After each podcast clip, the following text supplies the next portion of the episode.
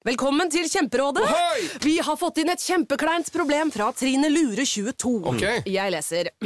De to andre i kollektivet mitt har begynt å date, og jeg syns det er veldig kleint når vi skal se på TV sammen, og de bare skal kline. Ok, ja, Yes. Hvordan skal hun løse dette? Siden Trine Lure er under 30, får hun jo ubegrenset data fra Telenor fra 399 kroner. Da Da kan hun sette seg på sitt eget rom, streame så mye hun vil på mobilen. Ja, hun kan jo se på nye mobilabonnement på telenor.no. Ja, det er lurt.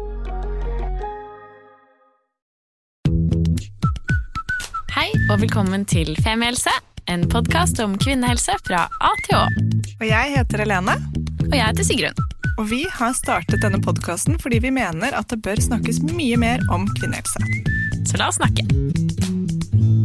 Hei, så hei. koselig å se dere. Jeg er Sigrun. Dette er Helene. Ja. Ja. Og um, vi er jo så heldige å få ha dette kvinnedagsvorspillet eh, sammen med Plan, som også er her i dag. Og vi skal snakke mer med noen fra planen etterpå. Men eh, til sommeren så har jo vi drevet Femihelse i fire år. Og en av våre store skrekker var at vi kom til å gå tom for temaer. Men det gjør vi jo absolutt aldri. Eh, kvinnekroppen har på en måte bare sånn uendelig med temaer å ta av. Altså Mye mer enn vi trodde. Ja. For vi begynte så var vi sånn Ok, hva er pupper? Hva er mensen? Ja. Livmor? Utflod. Fødsel? Ja. Ferdig. Ferdig. ja, så skjønte vi ganske fort at det var, eh, det var uendelig med potensialet. Og det vi også har lært eh, av vår egen podkast, er jo ekstremt mye om oss selv. Først og fremst, altså Det er jo derfor vi driver Femihelse. For å løse kroppens store mysterier. Så da vi begynte, så kunne ingen av oss to noe særlig om eh, Eller kunne litt om prevensjon. Kunne litt om syklus. Ja. Kunne litt om eh, kanskje de vanligste kvinnesykdommene. Men disse fire årene så har jo jeg lært at jeg har ganske mange sånne eh, bokstavdiagnoser. Så IBS, PSOS, PMS, kanskje PMDD. Kanskje ADHD. Ja. ADHD. Ja, hva mer? Nei, men det ruller i hvert fall på seg. Ja. Um, og det er jo veldig sånn fint Og de øyeblikkene hvor vi sitter og spiller inn en episode, og så plutselig bare «Åh! Det er jo meg! det er meg! Og da er det veldig greit, for da har du en av Norges fremste eksperter i rommet, som man liksom kan huke tak i etterpå. og si Sånn, du, vil du ha en kopp te før du går hjem? Bare, bare prate litt med deg om noen ting jeg har oppdaget nå her inne i dette rommet, i studio sammen med deg. Og Det gjør oss jo selvfølgelig påfylt til personlige episoder etterpå. Så her er en sånn evig rullende ball. da. Mm. Vi er veldig takknemlige for at det skjer ting med vår kropp også, som gjør at vi bare kan grave enda mer i dette. Ja, altså Jeg hadde jo kanskje den aller største aha-opplevelsen hvor vi satt og spilte inn. Jeg satt og lente meg godt tilbake. Bare sånn Shit, jeg er gravid! Er det det det er? ja. Og Det var jo et sjokk for Sigrun. Hun hadde jo da ikke hørt på de egne episodene om syklus og prevensjon. Så det var, eh, Men vi kom oss gjennom det også. Vi Kom oss gjennom det også. Ja. Snart to år senere. Ja. Uh. Så det er deilig. Og det er jo ikke bare vi som har fått aha-opplevelser. Jeg må si Det er jo noe av det aller gøyeste og mest frustrerende, og kanskje driveren bak det å ha femihelse, er jo alle aha-opplevelsene som dere deler med oss. Både de gode aha-opplevelsene, som går på at man endelig eh, kjenner seg igjen i noe. Føler seg mindre alene. Finner en god lege som man har lett etter lenge. Får en diagnose som man har lengtet etter. Eh, får hjelp på en eller annen måte. Og så er det de vonde aha-opplevelsene. Som det å skjønne at eh, Eller ikke skjønne, men kanskje den opplevelsen at mange tenker at eh, fordi du er kvinne, så skal du bli vant til å ha det vondt. Eh, nettopp det å ikke bli trodd, og det å måtte kjempe med systemet for å få den hjelpen man trenger.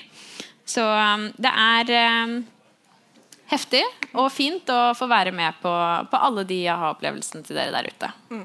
Og så er det jo heldigvis sånn at uh, Nå er det jo selvfølgelig at vi er i vårt lille sånn ekkokammer som er formet som en livmor, og så er den helt sånn rød innvendig og veldig varm og god. Og i det ekkokammeret så snakkes det veldig mye om kvinnehelse. Men vår opplevelse er også at det ekkokammeret blir større og større, og at det snakker generelt sett mer om kvinnehelse i dag enn det gjorde for bare fire år siden. Eh, velger vi å tro. Kanskje vi bare er veldig påskrudd, det er vi jo selvfølgelig. Men det virker som det i hvert fall er mer ute i riksmediene og mer på nyhetene, og at det har blitt en mer oppvåkning på dette. Og det er veldig gledelig å se. Det er i hvert fall Hele formålet med podkasten er selvfølgelig å få til at vi snakker mer om det, og at det skjer en endring også der hvor det kunne vært bedre. Ja. Ja. Så vi skal si nå som vi gjorde for fire år siden, da vi hadde vår første livekveld, nei, ja, livekveld, livepod, at målet med denne kvelden er å male mensen på alles lepper. Ja. Så når dere går ut herfra, så skal dere alle rope 'mensen'! Mensen! Mensen! Å ja, ok. Så revet med her. og, er, og, og Poenget med det er selvfølgelig ikke at vi skal snakke om alle liksom, eh, kroppsvæsker som kommer ut av oss. Men vi mener jo at det faktisk er livsviktig og synes det er litt mindre flaut og litt mindre kleint å prate om mensen. Nettopp fordi at hvis man snakker høyt om menstruasjonen sin, så kanskje man sier sånn ah, ja, jeg er jo sånn som svimer av hver gang jeg har menstruasjon. Jeg. Da kanskje noen rundt deg kan plukke opp og si det tror jeg ikke er helt vanlig. Selv om legen din har sagt at det er helt vanlig. Så kanskje du da slipper å bruke 7-8 år på å få diagnosen adenomyose eller endometriose, og kan få hjelp litt før. Så derfor er det viktig å snakke om. Mm. Så ja, vi har holdt på i fire år. Snart lastet ned en million ganger. Hatt 150 eh, episoder spilt inn. Og noen av de episodene har vi vært så heldige å spille inn med neste gjest, men før vi sier mer om det, så um, skal vi da nå er Det første temaet vi skal snakke om, er svangerskaps-, fødsel og barselomsorg. Og Det er jo et tema som heldigvis er superhett om dagen. Uh, vi arrangerer bl.a. en demonstrasjon med veldig mange andre 27. april. Så bare skriv det ned i kalenderen, og så møtes vi utenfor Stortinget sånn cirka samme tid som nå skal vi få til noe endring der. Det er planen at alle vi skal det. Så vet dere det. Men et av plans eh, hovedarbeidsområder er internasjonalt å redusere liksom, uønsket graviditet, spesielt blant unge. Og det å ha kontroll over egen kropp, så du faktisk kan få lov til å bestemme hvem du har lyst til å bli eh, gravid med, når du skal bli det, og hva som skal skje når du faktisk blir gravid, er noe av det planen jobber hardest for. Og I tilfelle der unge blir gravide og føder, så jobber også planen for å sikre at de selvfølgelig får riktig informasjon og medisinsk hjelp. Og I Norge så virker det kanskje ganske selvklart, men man skal ikke så veldig langt før det ikke er det lenger. Um, og Det blir ofte mye stigma rundt dette, og det er mange som absolutt ikke får den hjelpen de vil. Og Derfor er det så viktig at planen nettopp gjør den jobben de gjør. Og Det skal vi høre mer om snart. Og det Plan ønsker, er å få til en, noe så fint som en sånn ikke-dømmende og alderstilpasset helsetjeneste til unge som blir gravide. Og ja. Og ja. Og ja. Fordi antallet tenåringsgraviditeter er ekstremt høye i utviklingsområder. Omtrent 12 millioner jenter i alderen 15 til 19 år føder hvert år i utviklingsregioner. Minst 10 millioner utilsiktede graviditeter forekommer hvert år blant ungdom i alderen 15 til 19 år. Og unge ungdommer i alderen 10-14 år står naturligvis overfor høyere risikoer for komplikasjoner eh, knyttet til graviditet og fødsel. 10-14 år. Eh, av de estimerte 5,6 millionene aborter som skjer hvert år blant ungdomsjenter i alderen 15-19 år, er 3,9 millioner av dette, disse eh, utrygge. Og det bidrar også da eh, naturligvis til mødredødelighet, sykelighet og varige helseproblemer. Plan mener at tilgangen til trygge aborter er en vesentlig del av deres rett til å bestemme over egen kropp. Og I tilfeller hvor jenter blir kjørt til ulovlige helsetjenester, skal de ikke straffes og må gis passende omsorg etter abort. Og dette siste punktet her er jo på en måte noe vi i Norge ser på som en eh, selvfølgelighet, men det er det ikke. Og vi har jo alle kanskje kjent på at det har blitt skrenket inn også abortlovgivningen her i Norge. Så dette er viktig at vi fortsetter å presse på og snakke om. Og så er vi her i dag, og vi er i Norge, men det som skjer i Europa det som skjer i resten av verden, er øh, veldig mange tilbakesteg på, når det kommer til abort spesielt. Og Derfor er det så viktig at vi også er foregangsland, at vi får ut rett informasjon og at vi kan være ambassadører. For Jo mer vi snakker om dette, jo mer kan også politikerne våre gå ut og snakke om dette når de er på møter i andre land. Så Det er en sånn ringvirkning av det vi gjør her. Håper vi. Så det betyr at eh, Plan ikke bare jobber for eh, informasjon og tjenester om seksuell og reproduktiv helse, men de også sørger for at lokalsamfunnene, lederne og eh, de som er rundt, de som blir gravide, er eh, preparerte og klare for å ta imot og passe på og ikke stigmatisere. Og Det som man ønsker, er rett og slett å fjerne skam. Og det er jo Én ting er på en måte det fysiske å passe på, men det å fjerne skam er også kjempe, kjempe, kjempeviktig. Så Vi skal snakke mer med Tuva Fellmann etterpå om det med skam og seksualundervisning og hvor viktig det er. Men nå får vi da eh, fødselslege Torbjørn Broksten, som skal snakke om svangerskap, fødsel og barsel. Så velkommen opp, Torbjørn. Du kan sette deg her. Herregud, så hyggelig det er å se så mye folk. Jeg vet det! Og kunne drikke øl sammen Ja. med disse fine folka. Ikke minst se dere. Fordi En viktig del av denne introduksjonen som jeg glemte å si, var at dette er jo et vors. Det er et kvinnedagsvors. Vi varmer opp til tirsdag. Ja. Skål! Skål! Nå har vi på sånn timers hvert Og så er det deilig å være den eneste eller blant de få hannene i kurven. Ja. Som en ordentlig god feminist som har viet livet mitt til kvinnehelse og mine fire døtre. Ja, fordi Hva er det du driver med eller ikke driver med, Torbjørn? Hvem er du? Hvem er jeg? Jeg er eh, overlege på fødeavdelingen på Ullevål eh, sykehus. Og har eh, stått i fødsler senest i natt, men holdt på med det i snart 20 år. Og så er jeg i tillegg da gynekolog og jobber da med kvinnehelse generelt. Og så er jeg tilfeldigvis også styreleder i Sex og samfunn. Og vi er jo eh, på lik linje med dere og Plan osv. opptatt av abort. Og ikke minst så har jeg eh, holdt på en del i fjor med å bekjempe disse grusomme abortnemndene, som vi kan ha en hel podkast om. Kanskje ikke i dag. Ja, Det har vært en egen podkast. Så har du fire barn. Ja, fire barn. Fire jenter. Også verdt å nevne. Ja. Em, I Norge så er det jo veldig liten snakk om mødredødelighet og ungdomsfødsler. Så altså spesielt med mødredødelighet er jo noe vi i Norge er veldig stolte av og ikke har så mye av. Em, men mange av de punktene som eh, jeg nevnte tidligere, gjelder jo ikke bare for jenter i sør, men også for jenter eh, og kvinner i krig og på, fly, og på flukt. Noe som føles eh, plutselig mye nærmere eh, med alt som skjer i verden, selv om det selvfølgelig er noe som har pågått mange steder i verden i mange år. Hvilke konsekvenser Torbjørn, kan det ha for kvinner og barn som føder i krig og på flukt? Det har enorme konsekvenser. og Jeg vil bare egentlig starte med å sende noen varme tanker til min gode kollega Olga Obaid, som er fra Ukraina. Hun er en fantastisk fødselslege som også har jobbet ti år i Palestina. Eh, og da jobbet både med kvinner eh, i krig, og da også nå eh, eh, kommer da fra Ukraina, hvor eh, disse forferdelighetene rammer. Det har enorme konsekvenser, og vi vet at omtrent 140 000 eh, kvinner dør årlig i forbindelse med krig og uroligheter. Vi vet ikke nøyaktig antallet av kvinner som dør eh, på bakgrunn av, eller når de er gravide, men i dag når jeg skulle forberede meg i dag, så eh, søkte jeg gjennom da, eh, det å være gravid under eh, krig og fant et grusomt bilde av en, en skutt baby i mors liv. Så det er eh, realiteter som er helt grusomme. Eh, de studiene som er gjort, er for det meste gjort på kvinner som har på en kommet til trygg havn. Og Man kan jo eh, ønske og drømme om at vi skal ta imot eh, ukrainske kvinner og ikke minst hjelpe dem når de kommer til svangerskap og fødsel. Men vi vet at bare det at de har vært på flukt, øker eller gir kvinnene en stor økt risiko. For så vil de ha en 40% økt sjanse for å få dødt barn i magen. Selv etter de er kommet til Norge. Hvorfor det? Eh, og det handler jo noe om at det vi eh, vet er eksepsjonelt viktig for godfødselsomsorg, det er den helhetlige omsorgen. Og det handler om oppfølging i svangerskap. ikke sant? Og det å ha mangel på god eh, oppfølging i svangerskap fører også da med seg at man ikke plukker opp alvorlige ting som om barnet vokser normalt, og i og for seg også om mor utvikler høyt blodtrykk og og Eh, vi vet også at kvinner som er på flukt, har en økt sjanse for at de får misdannelser. Eh, og vi vet også at kvinner på, på flukt, og også når de kommer til trygge havner som i Norge, har en fordoblet sjanse for f.eks. fødsels- og barselsdepresjon. Eh, så eh? Det Putin gjør som er jo mer grusomt enn vi kan tenke oss, det rammer ikke bare nå, men det rammer eh, om et år, om fem år osv. Fordi dette her er, gjør noe med, med, med disse kvinnene over lang tid.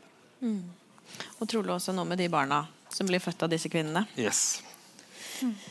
Em, går det an å trekke noen linjer fra det å være kvinne og føde i krig og på flukt og de konsekvensene som du beskriver nå? Eller jeg tenker i hvert fall instinktivt at det er jo mange av de tingene vi har snakket om i, i etterkant av pandemien og de siste to årene som har vært, og det å ha fått barn, som jeg selv fikk under pandemien. Ja, altså Det er jo mye eh, presse om dagen, og der jeg kommer fra, som jeg alltid har snakket om som verdens beste føreravdeling, eh, det kan jeg godt få lov til å skryte av ennå, eh, selv som ett år som leder der, fordi vi leverer gode tall, men vi leverer ikke spesielt gode tall på hvordan kvinner opplever å føde der. Det har jo dere snakket om i podkasten også. Eh, det er gjort store studier nå som er interessante i forhold til eh, hvordan kvinner har det i pandemien. Og det som er, eh, om du vil, trist og gledelig samtidig, er dette her eh, Hva skjedde med partner under eh, svangerskapsoppfølging og fødsel? Vi tenkte jo ganske lenge at ikke det har så mye å si. Det er hyggelig med en pappa på fødestuen, liksom, og det er bedre at han er på fødestuen enn at han leser avisen og røyker utenfor som han gjorde på 70-tallet.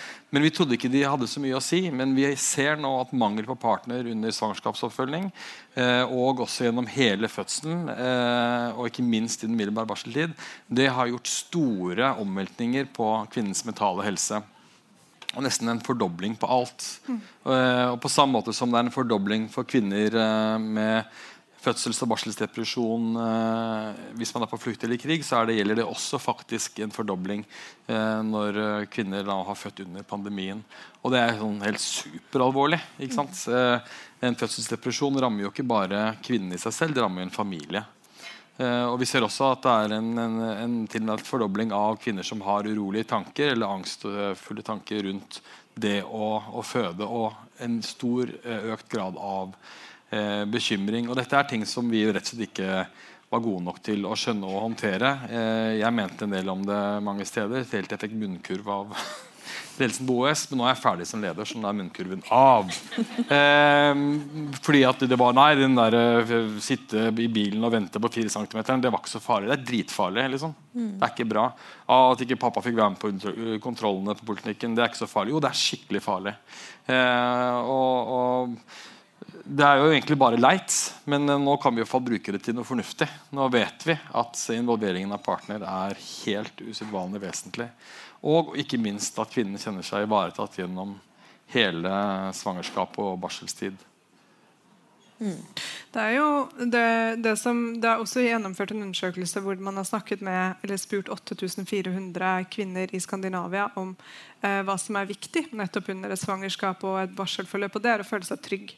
Eh, så det viser jo at den sårbare perioden, uansett om eh, hvor i verden det er, er så viktig å føle på trygghet. Det sier seg jo selv. Og det er jo det som er så frustrerende, at i Norge så har vi ressursene og mulighetene og kunnskapen om det, og allikevel så feiler vi. Ikke krig, vi har pengene. Det er, ja. Så det er, det er kjempefrustrerende. Vi driver og feiler, og så driver vi og feilplanlegger også. Ikke Ja. Eh, De som gidder å følge med om dagen, eh, vet jo denne kampen for ABC, som man tenker at ah, er det så viktig? Det er bare noen få kvinner. Nei, men det gjelder at eh, helsevesenet og fødeavdelingene i framtiden må planlegge for helhetshelsen helhetspleie, og ikke en sånn type ja, Seks timer etter fødsel, er ikke det greit? da? Du, booker du fint, og vi får jordmor hjem til deg. og sånt nå. Men vi kaller er det en helhetlig effektivisering. Ja. Ja, ikke sant? Eh, og idet vi skulle liksom prøve å spare penger på OUS eh, der hvor jeg jobber, da, for, i november, eh, fordi det var litt færre fødende, så la vi ned en barselavdeling. liksom. Eh, og så ja, Ris til egen bak. da. Hva har skjedd med det? Vi har tapt så sykt mye penger fordi folk vil ikke føde hos mer. Så nå sitter den eh, som eide det prosjektet, og litt med et skjegg i en postkasse. da. For det er et skjegg. Nei, det er selvfølgelig en uh, Altså, Jeg eide ikke prosjektet, og jeg er den eneste som hadde skjegg. Jeg, jeg, jeg, prøvde å, å, å, å forklare prosjektet en gang på Dagsnytt 18, men uh, ikke forsvare det. Nei, uh, eh, Det er en kvinnelig leder av Ja. Klinikk Liggende på Ullevål. Selvfølgelig. Ja. Men hvorfor tror du eh, Det som er litt interessant, for når vi har trukket opp dette her sammen med mange andre eh, nettopp dette med, og Det er så langt, for vi må finne et kortere navn på det. Svangerskap, fødsel og barselomsorgen her hjemme. Eh, at folk engasjerer seg veldig nå. Men mange av de eh, jeg snakker med som har barn som er 20 år, 30 år, 40 år, sier ja, sånn var det da jeg også fødte. Men, eh, så dette er en sånn loop. Dette er sånn, å ja, Vi går i demonstrasjon for dette en gang til. Det som er så rart, syns jeg, da, er at øh, ledelsen på OS, som da er uten meg om dagen, uh, de er eksempel kjemperedde for sånn som dere og barselsoppgjør. og sånn, De tenker de stikker kjeppene i hjulene våre og de snakker negativt om det vi driver med. og sånt nå. Nei, de snakker om hva vi burde ha som, som gullstandard. ikke sant?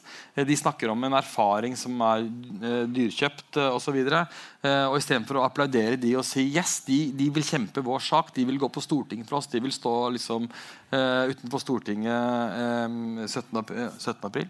27. 27. april. Eh, og, Istedenfor å applaudere det og være kjempeglad, eh, sånn som eksempel andre deler av helsevesenet ville vært hvis interesseorganisasjonene gjorde noe for dem, så er det sånn nei, nei, nei, vi må prøve oss å roe de ned. Så det er en idé om at liksom ikke vi skal kreve mer. Og, og, og er det noe som er eksepsjonelt god helse, og ikke minst sånn rent sånn samfunnsøkonomisk, hvis noen kan om sånne ting, så er det god barsels- og, eller god svangerskaps- og, og, og barselsomsorg. Dette er regnet på på LSI. liksom, Én krone inn, fire kroner ut. Typ, da.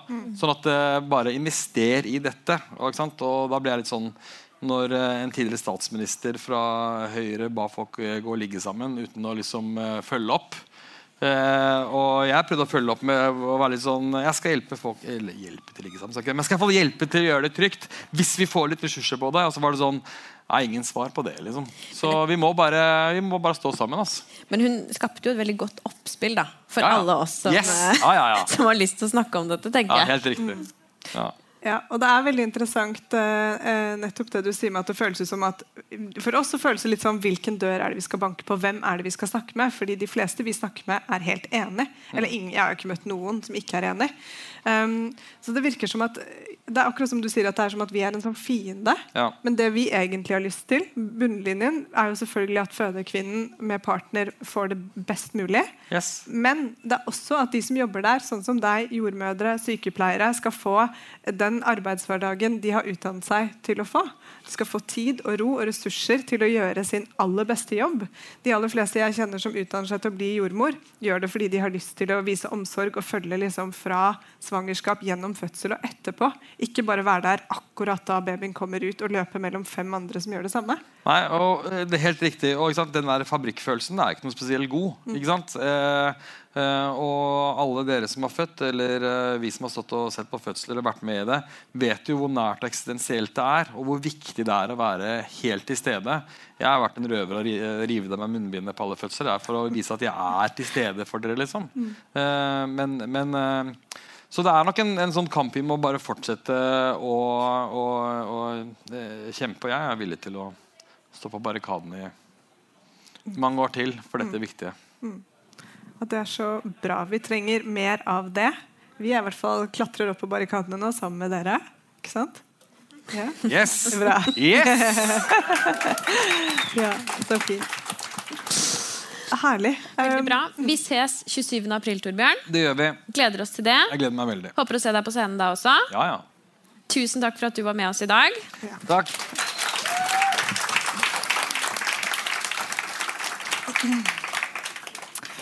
Så er det over Da, til Helene. eh, ja. Trekker du av deg buksene? Ja. For da har vi kommet til mensen. Yes. da. Så nå skal vi vise litt her. Nei. Men um, endelig. mensen. Endelig. Endelig mensen. Mensen er, jeg tror mange som tenker på femiehelse, tenker liksom først og fremst på mensen. Det er i hvert fall det Eh, vi håper. Ja, det, det er absolutt det vi håper, ja. For det er jo et veldig tydelig bilde på hvorfor vi snakker om kvinnehelse. Det er fortsatt tabubelagt for mange. Um, det er uh, vanskelig å snakke om for unge, for gamle. Vi har ikke et naturlig språk på det. Jeg synes bare Menstruasjon synes jeg er et rart ord. Jeg har sagt det igjen og igjen. Vi prøver å finne på et nytt ord. Kommer ikke egentlig opp med et godt nytt ord. Uh, ord er klar, fortsatt veldig uh, klare for forslag. Vi gjemmer tampongene våre oppi genserermet. Liksom smekker den ned i den dumme lille lomma. Som Eller oppi skjeden er det også en del som gjemmer den. Hæ? Ja. Det er spesielt. Um, og vi har, eller det er jo mange lidelser knyttet til menstruasjon. Um, mange av de har heldigvis fått mer oppmerksomhet de siste årene. Eh, men fortsatt mange som sliter med å ikke komme, kommer ikke i mål der, får ingen diagnose, føler at de ikke blir trodd. Ikke sant? Det er utrolig mange utfordringer knyttet til mensen. Nå skal vi snakke om mensen her hjemme, der ute. Og med oss eh, for å snakke om dette er vi så heldige å da ha Alexandra Letlier, som er da fagrådgiver i Plan. Velkommen.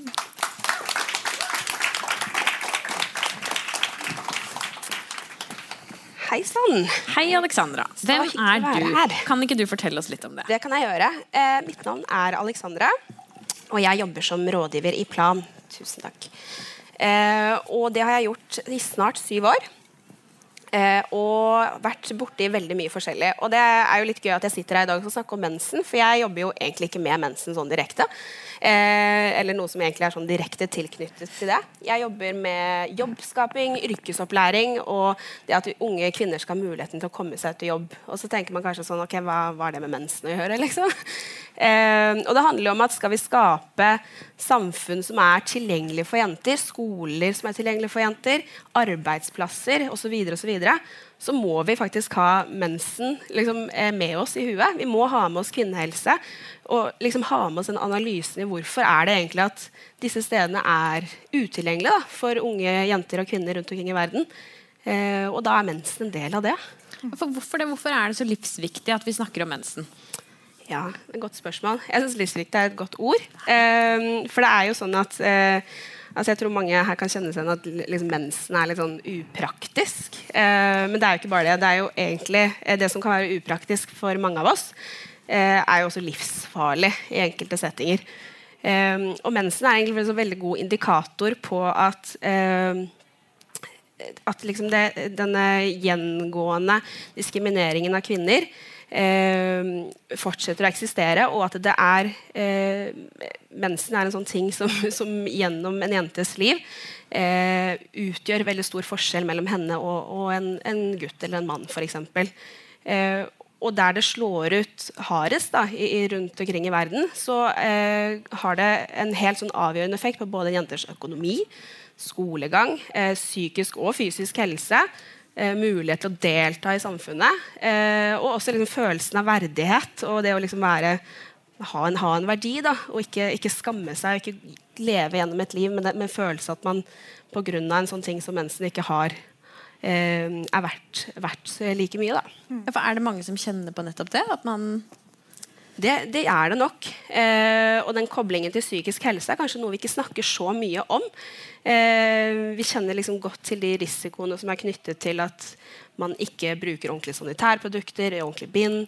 Eh, men når det kommer til liksom mental helse og den følelsen av å eh, være verdt mindre, så tror jeg det er liksom to viktige nøkkelord. Det ene er jo dette med verdighet. Eh, og du kan jo liksom tenke deg det stresset først og fremst da, som medføres at du som jente eh, kanskje får mensen uten å vite hva det er. Vi vet at i land som Malawi, et, plan, et land som Plan jobber i, så er det over 80% av jentene som ikke vet hva mensen er når de får mensen første gang. Wow. Du kan se for deg den, det liksom utrolige stresset, eh, uroen, redselen, frykten for okay, hva er det som skjer med kroppen min. Eh, og er man f.eks. en ung jente på flukt Vi jobber bl.a. i Uganda, eh, hvor det er en del store flyktningleirer. og da jeg var der for et par år siden, så var det en del jenter som snakket om dette her med at det er, en del som er på flukt uh, uten foreldre. Og liksom det å oppleve dette ikke engang kunne spørre mamma eller tante eller noen, eh, så kan man se for seg da, hva det gjør med det, liksom, det traumaet som, som, en ung jente går gjennom da, og har med seg gjennom hele livet. Fordi det eksisterer ikke en helsestasjon kanskje da, som, som, de kan gå til, eller en lærer som de kan snakke med, eller det sikkerhetsnettet som vi har med oss her. Produkter tilgjengelig og ja. Absolutt. Det er jo et, et kjempepoeng, det òg. Den, eh, den liksom desperasjonen rundt okay, hvordan skal jeg håndtere dette her. Da, At det kommer blod ut av meg. Hva gjør jeg? Eh, og vi kjenner jo til at mange tar i bruk det de har rundt seg. Um, og det er ikke et sånn ukjent fenomen her i Europa heller. Det var en sånn undersøkelse i, i UK der hvor nesten halvparten av jentene responderte at og det hadde noe med økonomi å gjøre også. At, uh, fordi at man ikke hadde råd til uh, sanitærprodukter, så hadde man tatt i bruk all denne dorullen som er igjen, og brukt den som bind istedenfor. Uh, og så er dette eksempelet mye mer ekstremt i mange land, og der kan man også ta i bruk helsefarlige ting. Uh, som hva da? Det kan være løv, det kan være aske. alt mulig rart som, som gjør at man slipper å liksom, gå gjennom den, den, flausen det er da, å blø gjennom. Det er ikke liksom et et problem som er unikt her i Norge. Her er vi kanskje liksom redd for å dra jeg husker liksom Som tenåring da, så var man litt sånn Skal man gidde å dra på overnatting når man har mensen liksom, med venninnene og blø gjennom på venninnas madrass? Det er lite kleint, liksom. Uh, mens i en del, en del deler av verden da, så handler det om at har man ikke tilgang på bind uh, eller tamponger eller toaletter å skifte uh, bind på, så har man da kanskje rett og slett ikke muligheten til å gå på skolen fordi det å gå og blø nedover beina er ikke en, en situasjon noen vil være i. Eh, så, det, så, det, er såpass livsviktig, faktisk. Mm. Vi hadde jo en situasjon i høst hvor eh, en venninne av oss hadde vært på Cuba. Eh, og så hadde hun glemt igjen en pakke tamponger, og så spurte forloveden hennes om det var greit at han eh, ga den til noen venninner. Så var hun sånn, ja selvfølgelig, hvorfor det? Nei, de hadde ikke mer. Det var ikke mulig å få tak i. Så da satte hun i gang en innsamling og fikk eh, samlet inn penger til Jeg tror hun tok med seg 50 eller 60 menskopper ned neste gang. da. Og så hadde hun kurs og viste hvordan det skulle være. Og så lærte hun eh, forloveden sin opp da, hvordan eh, han kunne kurse videre. Så han har sånn menskoppkurs for venninner. Fin fyr. Fin fyr, veldig fin fyr. Da ikke sant, trenger du på en måte muligheten til å koke vann, da, og det var det ikke alltid alle som kunne. For det er i det var en periode hvor det ikke var strøm eller gass. Da, så det er bare sånn der, wow, det er så mange ting som, eh, som selvfølgelig gjør det kjempevanskelig å fungere normalt når kanskje en uke av måneden bare er sånn Nei, da er det bare å være hjemme, da. Um, mm. Og det har jo vært en del av debatten her hjemme i det siste også, egentlig. Dette med menstruasjonsprodukter på norske skoler. Um, som plutselig har fått ganske mye oppmerksomhet etter at det er jo Kiwi som har uh, en kampanje for dette. Ehm, og jeg må innrømme at når jeg først hørte om det, så tenkte jeg sånn Er det nødvendig i Norge? Eller sånn Vi har råd til bind og tamponger. Det, eh, det er ikke noen, noen sånn stor skam knyttet til det. sånn sett Men så tenkte jeg meg litt om og ehm, snakket en del med, med flere av følgerne våre. Og, det er jo fortsatt Det er jo ikke lett å få mensen i Norge heller. Altså sånn, hvis du får det uten forvarsel, da, og du er på skolen, og kanskje du enten så har du ikke penger så du får gått på butikken, og det var en lærer som sa at hun brukte mer penger på bind og tamponger til elevene sine enn til seg selv. Um, og hvis man er blødd gjennom, og at det er flaut å spørre medelever, og det er fortsatt um, Jeg skjønner at det kan skape traumatiske opplevelser for jenter uansett hvor i verden man bor. Så um, det, er, det er viktig at vi snakker om dette her. Ja, og så syns jeg jo at Norge faktisk eh, Kiwi eller ikke altså sånn, Det burde vært på alle offentlige steder. Nettopp det marerittet på f.eks. ungdomsskole eller videregående å blø igjennom. Bli kjent som hun som blødde igjennom. Det er ikke, ikke et rykte som er lett å, å dodge etter det, tror jeg. Men så, så der, selv om det er sånn ja, ja, her er det veldig mye som er bra, så er det fortsatt mye som ikke er bra. Når vi er inne på mensprodukter, så er det f.eks. ikke um, Det må ikke være noe innholdsfortegnelse på hva tamponger og bind er eh, bleket med. Eller Som ofte er klor. Som ofte er klor. I det mest absorberende punktet vi har på kroppen, i Ja, skjeden. the holy place, liksom. Der eh, skal det inn med klor. Så det er, selv om det er lett å tenke at ja, det er mye som er bra her, så er det igjen, tenker jeg, la oss være et foregangsland på disse tingene, så man kan si sånn But you know, in Norway Ja. The beer is very expensive. uh, But have, uh, but the products are really cheap. yeah, have a good Momsen på bind og tamponger er jo også høyere enn momsen på tyggis og pastiller. Altså, Den er 15, og så er det 25 på bind og tamponger, som er jo helt sånn Ja. Det er helt ko-ko, rett og slett. Ja. Ja. Jeg hørte et godt eksempel på Det var noen som om et, for en år siden at mensen er egentlig et sånt fellesgode. Det er jo på en måte det mest grunnleggende for vår eksistens. Eh, og at eh, ok, det er kanskje ikke mm, den største utgiften på en del kvinners eh, månedsbudsjett, men så er det fortsatt i sum en del, en del penger man bruker. Og, og jeg tror det også handler om det liksom litt sånn prinsipielle. Eh, og at det skal være en litt sånn nulltoleranse for at noen i det hele tatt ikke skal ha muligheten til å ha tilgang på det. Og spesielt unge jenter, som er fortsatt mer sårbare her i Norge eh, enn kanskje en voksen kvinne som har hatt tilgang på kunnskap og informasjon. Og, Så det, det er en sånn eh, universell sak, tenker jeg. Definitivt. Vi eh, snakker jo en del om liksom, innovasjon på mensproduktfronten. Både når det kommer til innholdsfortegnelser, men også den menskoppen og menstruser, som blir mer og mer vanlig. Og eh, flere ønsker å benytte gjenbrukbare bind, og det er mange ting. Men eh, i landet dere jobber med, altså, hva er egentlig de beste produktene for de jentene å få tilgang på? Er det f.eks. et gjenbrukbart bind de kan bruke om og om igjen, eller blir det dumt? Eh, det varierer veldig fra kontekst. Eh, der er jo er det spørsmål om har man tilgang på rent vann så man kan få vaske dette bindet. ikke sant? Så det er en del sånne, sånne spørsmål.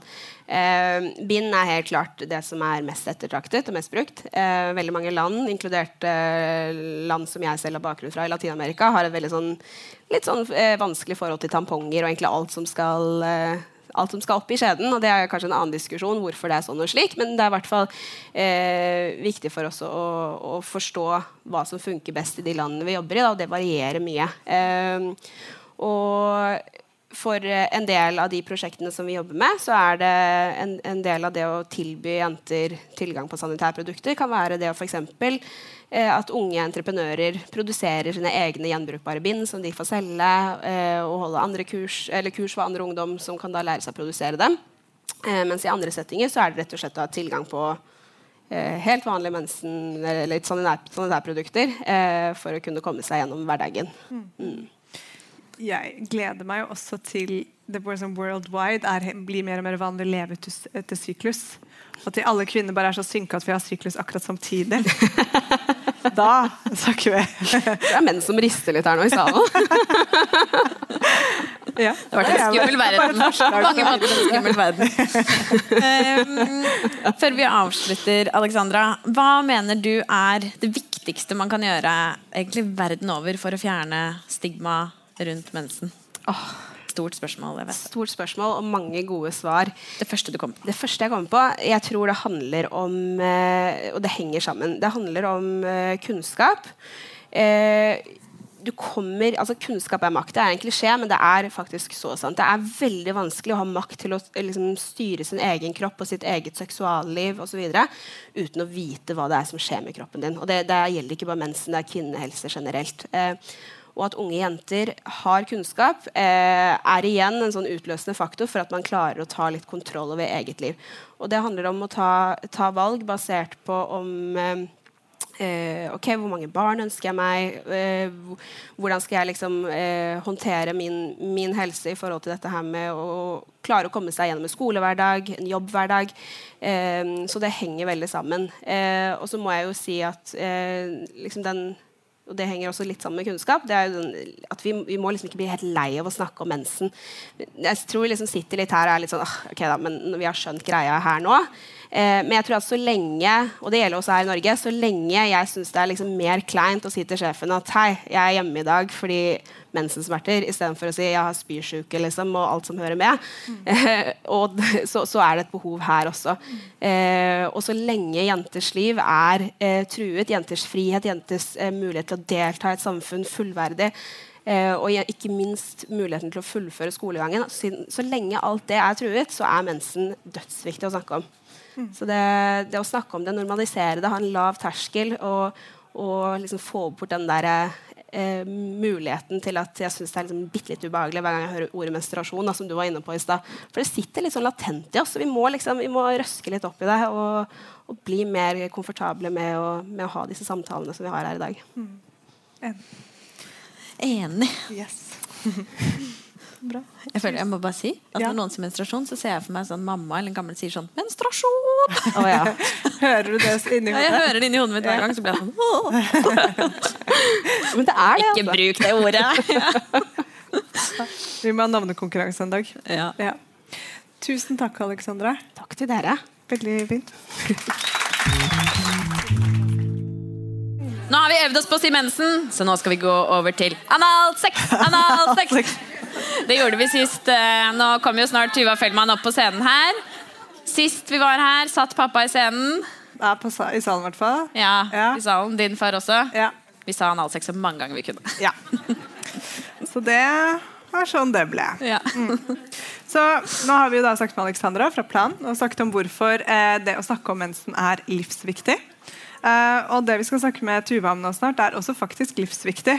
Og eh, det er kanskje ikke så Det er igjen dette som man tenker sånn Ja, ja, det finner man jo ut av. Men dette med seksualundervisning, og hvorfor det er eh, Det er jo noe av det første man får på skolen, og det lille man får på skolen, er jo det man kanskje bærer med seg. Og om det er flaut eller kleint eller fælt eller vondt eller hyggelig eller bra, det er ganske avgjørende for mange. Og ehm, det vi mener, er også at jo bedre denne undervisningen er, jo mer bidrar det til likestilling. Det bidrar til økt selvfølelse og forståelse for hvem man selv er. Så eh, uten at kvinner, jenter og selvfølgelig også gutter får en sånn grunnleggende informasjon, så kan man komme litt sånn på skjev eh, kjøl ut i eh, seksuallivet. Og i livet. Ja. Som følge av det. Selvfølgelig. Så eh, Seksualundervisning er et veldig kontroversielt tema i mange land. Eh, En del stater i USA for eksempel, så er det ikke lov i det hele tatt. Eh, eller det er en sånn bibelsk versjon av det. Um, og I Uganda så ble det stoppet uh, helt opp. Det var ikke lov til å snakke om det på skolen. i det hele tatt, Men det ble heldigvis opphevet på senåret i fjor. Så det er hvert sånn, Noen ganger så strammer man litt inn og så bare hei, hei, det fikk jo veldig dumme konsekvenser. Da snur vi på det. Jeg syns det er kult å tørre å snu da. jeg. Ja, det syns jeg også er bra. Ja. Det skal de ha. Ugandas regjering skal ha det. Um, og I Malawi er det faktisk ikke lov til å distribuere prevensjonsmidler mer enn uh, altså, nærmere 100 meter fra en skole. Så hvis du er en sånn gynekolog som har lagt deg liksom litt nærme skole, så ligger du veldig dårlig an. Da må du bytte lokaler på en eller annen måte. Um, og eh, Vi har også hørt mye om at det er mange misoppfatninger om at for man kan bli infertil av prevensjonsmidler. Så seksualundervisning er faktisk livsviktig. Eh, I mange land er det også sånn at ungdommer ikke vet eh, hvor de kan få tilgang på, eller hvordan de skal bruke prevensjon i det hele tatt. Eh, og i Vest-Europa, i land som Norge, eh, Nederland og Sverige, hvor vi har skolebasert seksualundervisning, eh, og fikk det for 50 år siden, så ser vi jo at det har eller bidrar til betydelig lavere ungdomsfødselsrater enn i land som ikke har det. F.eks. i Øst-Europa og sentrale Asia. Um, og tilnærming som går ut på seksuell avholdenhet. At man rett og slett, eh, Hvor anbefalingen er at det bør du helst bare droppe. I hvert fall til du er eh, gift. Det viser seg faktisk surprise, surprise, å være både ineffektivt og potensielt skadelig. Ja, Det er rart med det. det er rart med det. Yes. Så vi um, burde, etter alt å dømme her i Norge, ha verdens beste seksualundervisning. Det er egentlig ingen altså, sterke normer eller regler i samfunnet vårt som tilsier at vi ikke skulle hatt det. Uh, men, og Vi er ganske likestilte, men allikevel så vil de aller fleste unge kanskje si at det, det de har fått, er mangelfullt. Og jeg husker knapt nok noe særlig av min seksualundervisning. Jeg husker ingenting. Nei, jeg husker én ting, men det var egentlig utenfor seksualundervisning. Nå er det noen jeg ser på om det er noen fra Bestum skole her, men det er ikke i samme klasse. Men vi hadde da en engelsklærer som egentlig ikke skulle ha seksualundervisning. Men det var en dag det var bare jentene i klassen, og så sa hun sånn Jenter, jeg må si dere en ting. En ting dere må gjøre. Dere må gå hjem, og så må dere finne et lite speil, og så må dere se på dere selv og bli kjent med dere selv. Og alle bare Oh my God. Sa hun det på engelsk, eller? Yes, ok, girls, so you have to go home. Find og alle bare Vi forstår ikke hva du sier, du må ta det på norsk. Vi var kanskje ja, fjerde klasse, eller hva det var. Men den var bare sånn for jeg husker Da syntes jeg det var kjemperart at hun sa det, men det er jo virkelig bare sånn basicen på å bli kjent med hvordan du ser ut der nede. Et, et, et sted som er ganske vanskelig å se selv hvis du ikke er veldig myk. Sånn at, um, og Det tok hun på eget initiativ. Og det er litt kanskje mye av seksualundervisningen føles som i Norge. litt sånn, hvilken Lystbasert, lærer- Ja. Har du lyst, så er det god seksualundervisning. Heldigvis så har vi jo da også eh, mennesker som Tuva Fellmann, som nå skal komme opp på scenen til oss, som er sexolog. Og hun har mange tanker om dette som hun skal snakke med oss om i dag. Så velkommen opp på scenen. Velkommen, Tuva! Tusen takk. Altså, det er veldig koselig å sitte her sammen igjen. Ja. Ah, det er deilig. Ja, Det var en deilig kveld sist. Det er en deilig kveld nå. Ja, ja, ja. ja. vil- da. Hvorfor er det viktig at vi snakker? Um, når du hører den eh, introduksjonen som vi hadde nå til dette temaet, eller vet du hva, vi må faktisk begynne med Tuva. Hvem er du? Fortell oss alle hvem du er. Jo, eh, jeg er en eh, Hvor skal jeg begynne? Nei, jeg har jobba i Juntafil i mange år på P3. Begynte med det. Eh, Juntafil, det beste programmet, men også det verste som kom på. Radioen i bilen med foreldre. 100 Det bare Og det må jeg bare si, jeg har full forståelse. Altså, eh, for det var jo, eh, Før jeg begynte der, så var det til og med en sånn eh, jingle, som det heter på radiospråket, som, hvor det står sånn sa, Programmet som alltid kommer på når du sitter i bilen med faren din. Ja, For det var folk som bare, de, de gikk på lørdager, og folk bare Det går ikke, jeg går ikke, jeg går ikke. Og jeg syns det var så barnslig når jeg begynte. Jeg var sånn, fy fader, folk må skjerpe seg. Men så eh, satt jeg ironisk nok i bilen sammen med pappa en gang, hvor det var reprise på Juntafil. Eh, og det øyeblikket der, det det unner jeg ingen, altså. For da begynte sendinga, og så hørte den derre 'Juntafil på P3', og du så pappa liksom bare og, så, men, og du ser han liksom skjerper seg og bare 'Jeg skal, jeg skal ikke skru av, jeg skal ikke skru av'. Det er datteren min, og hun jobber, og hun ordentlig og sånn. Og så kom jeg på det handler om analsex. Jeg visste det, for jeg har jo lagd sendinga, så jeg visste at det var analsex. Og da ble jeg sånn Nei, pappa, det blir P4, ass. Jeg orker ikke det. Det for mye for meg. Så jeg har nok skapt mye eh, vonde øyeblikk, det skal jeg være ærlig på. Men jeg håper også noen gode, da. Ja, um, så der har vi snakka masse. Og så eh, akkurat nå så lager jeg blant annet eh, Naked Attraction. Hvor jeg bare står og ser på masse nakne folk. Og kose meg med det. Hvorfor er det viktig, Tuva? Jo, fordi eh, for eksempel min kropp, som er da eh, Jeg har to forskjellige puffer. Eh, jeg har litt mage, jeg har cellulitter på beina. Eh, alt er litt sånn krinkel-krankel. Den kroppen har ikke jeg sett på TV. Eh, nå I de siste årene så har det kommet mer og mer. Men tidligere så var det enten i humorøyemed at det var sånn Hun litt tjukke jenta, hun er smart og morsom. Og, altså, sånn, det var på en måte ikke noe sånn Gikk det an å stå på TV og vise kroppen og bare Her er jeg, og jeg er faen meg digg, altså. Og det syns jeg er deilig med Naked Traction. At det bare er masse kropp, og det er fint, og det er deilig, og det har ikke vært så mye av det før. Og det blir jeg glad av. Ja, helt enig. Applaus for det. Jeg får også lyst til å klappe litt for det. Ja. Meld deg på! Vi kjører Paredition. Det er ikke noe problem. Det skal vi ordne for deg. Naked Attraction livepod hvor Sigrun er bare naken. Ja, ja, ja, Ja. Egentlig bare en beskrivelse. Ingen har sett min kropp naken før på TV. Ja, ok. Da kan vi gå over til der jeg egentlig begynte. Ehm, for nå har jo vi snakket litt om eh, hvordan det er i andre land, litt om hvordan det er i Norge, ehm, og litt om den eh, seksualundervisningen vi kan ikke huske å ha hatt. Ehm, kjenner du deg igjen i noen av disse tingene? Altså Seksualundervisningen jeg ikke har hatt, kjenner jeg meg jo i hvert fall igjen i. Jeg hadde, eh, jeg, det eneste jeg fikk, var på eh, konfirmasjonskurset. Eh, Da var det han stakkaren som drev det kurset, som bare delte ut en tegneserie om sex. Og sa bare ga den og sa bare sånn Dette kan ikke jeg nå. Sorry. Det må bare, dere må bare ordne. Og det var det vi fikk. Så det kjenner jeg meg veldig igjen i. Jeg er veldig glad for at jeg ikke kjenner meg igjen i at det ikke er lov å dele ut prevensjonsmiddel, f.eks. Eh, Så det, det er jo en del ting som jeg kjenner på en ekte på en måte takknemlighet når jeg hører. Eh, Og en ordentlig Det er, det er jo eh, helt forferdelig. Og det er også det jeg synes blir så lei meg, er at det er så lite logikk i det. Um, fordi det å, å nekte noen prevensjonsmiddel, eller si at det er farlig, eller det å på en måte jobbe imot det uh, i, i- I nyere tid så vet vi at det gagner egentlig ingen. da Eh, Det blir uønsket graviditet, det blir på en måte bare verre. Man får det ikke noe godt med seg selv. Det å på en måte kunne få muligheten til å bruke prevensjon er bra. Ehm, så, så noen ganger så jeg får liksom lyst til å si sånn nå må, vi, nå må vi sette oss ned så må vi snakke sammen. på en måte Nå må vi forklare hvordan For her er det noen som lager reglene som ikke eh, er i den situasjonen som de det gjelder. da Og det, det er eh, Ja, det syns jeg er ordentlig trist og provoserende. Og så kanskje ikke har sett på forskningen om hvorfor det er lurt? Nei. Nei, for, det det også, det, for nå har vi jo forskning. Nå vet vi jo at det er bra, da. Ehm, og så den derre eh, Ja, men hvis, hvis de får prevensjonsmiddel, så sier vi at det er greit å ligge. Eh, som jeg også har hørt noen si, at ja, men da sier vi at det er ok hvis, hvis de under 16 skal få gratis prevensjonsmiddel. Da sier vi at det er greit å ligge under 16. Da. Og så blir jeg sånn Ja, men er det Hva er, hva er motparten, da? Hva er det som skjer hvis vi ikke sier det? Hvis vi nekter de det? Eller, eller hvem, liksom, hvilke 16-åringer er det som kan betale for dyre p-piller? Hvis du har fått en kjæreste og begynt å ligge, da. Ehm, så, så vi må huske å se på en måte Ok, Hvis du mener at det er dumt at de under 16 ligger, så øh, må du på en måte tenke deg om to ganger da, før du liksom kjører de harde reglene.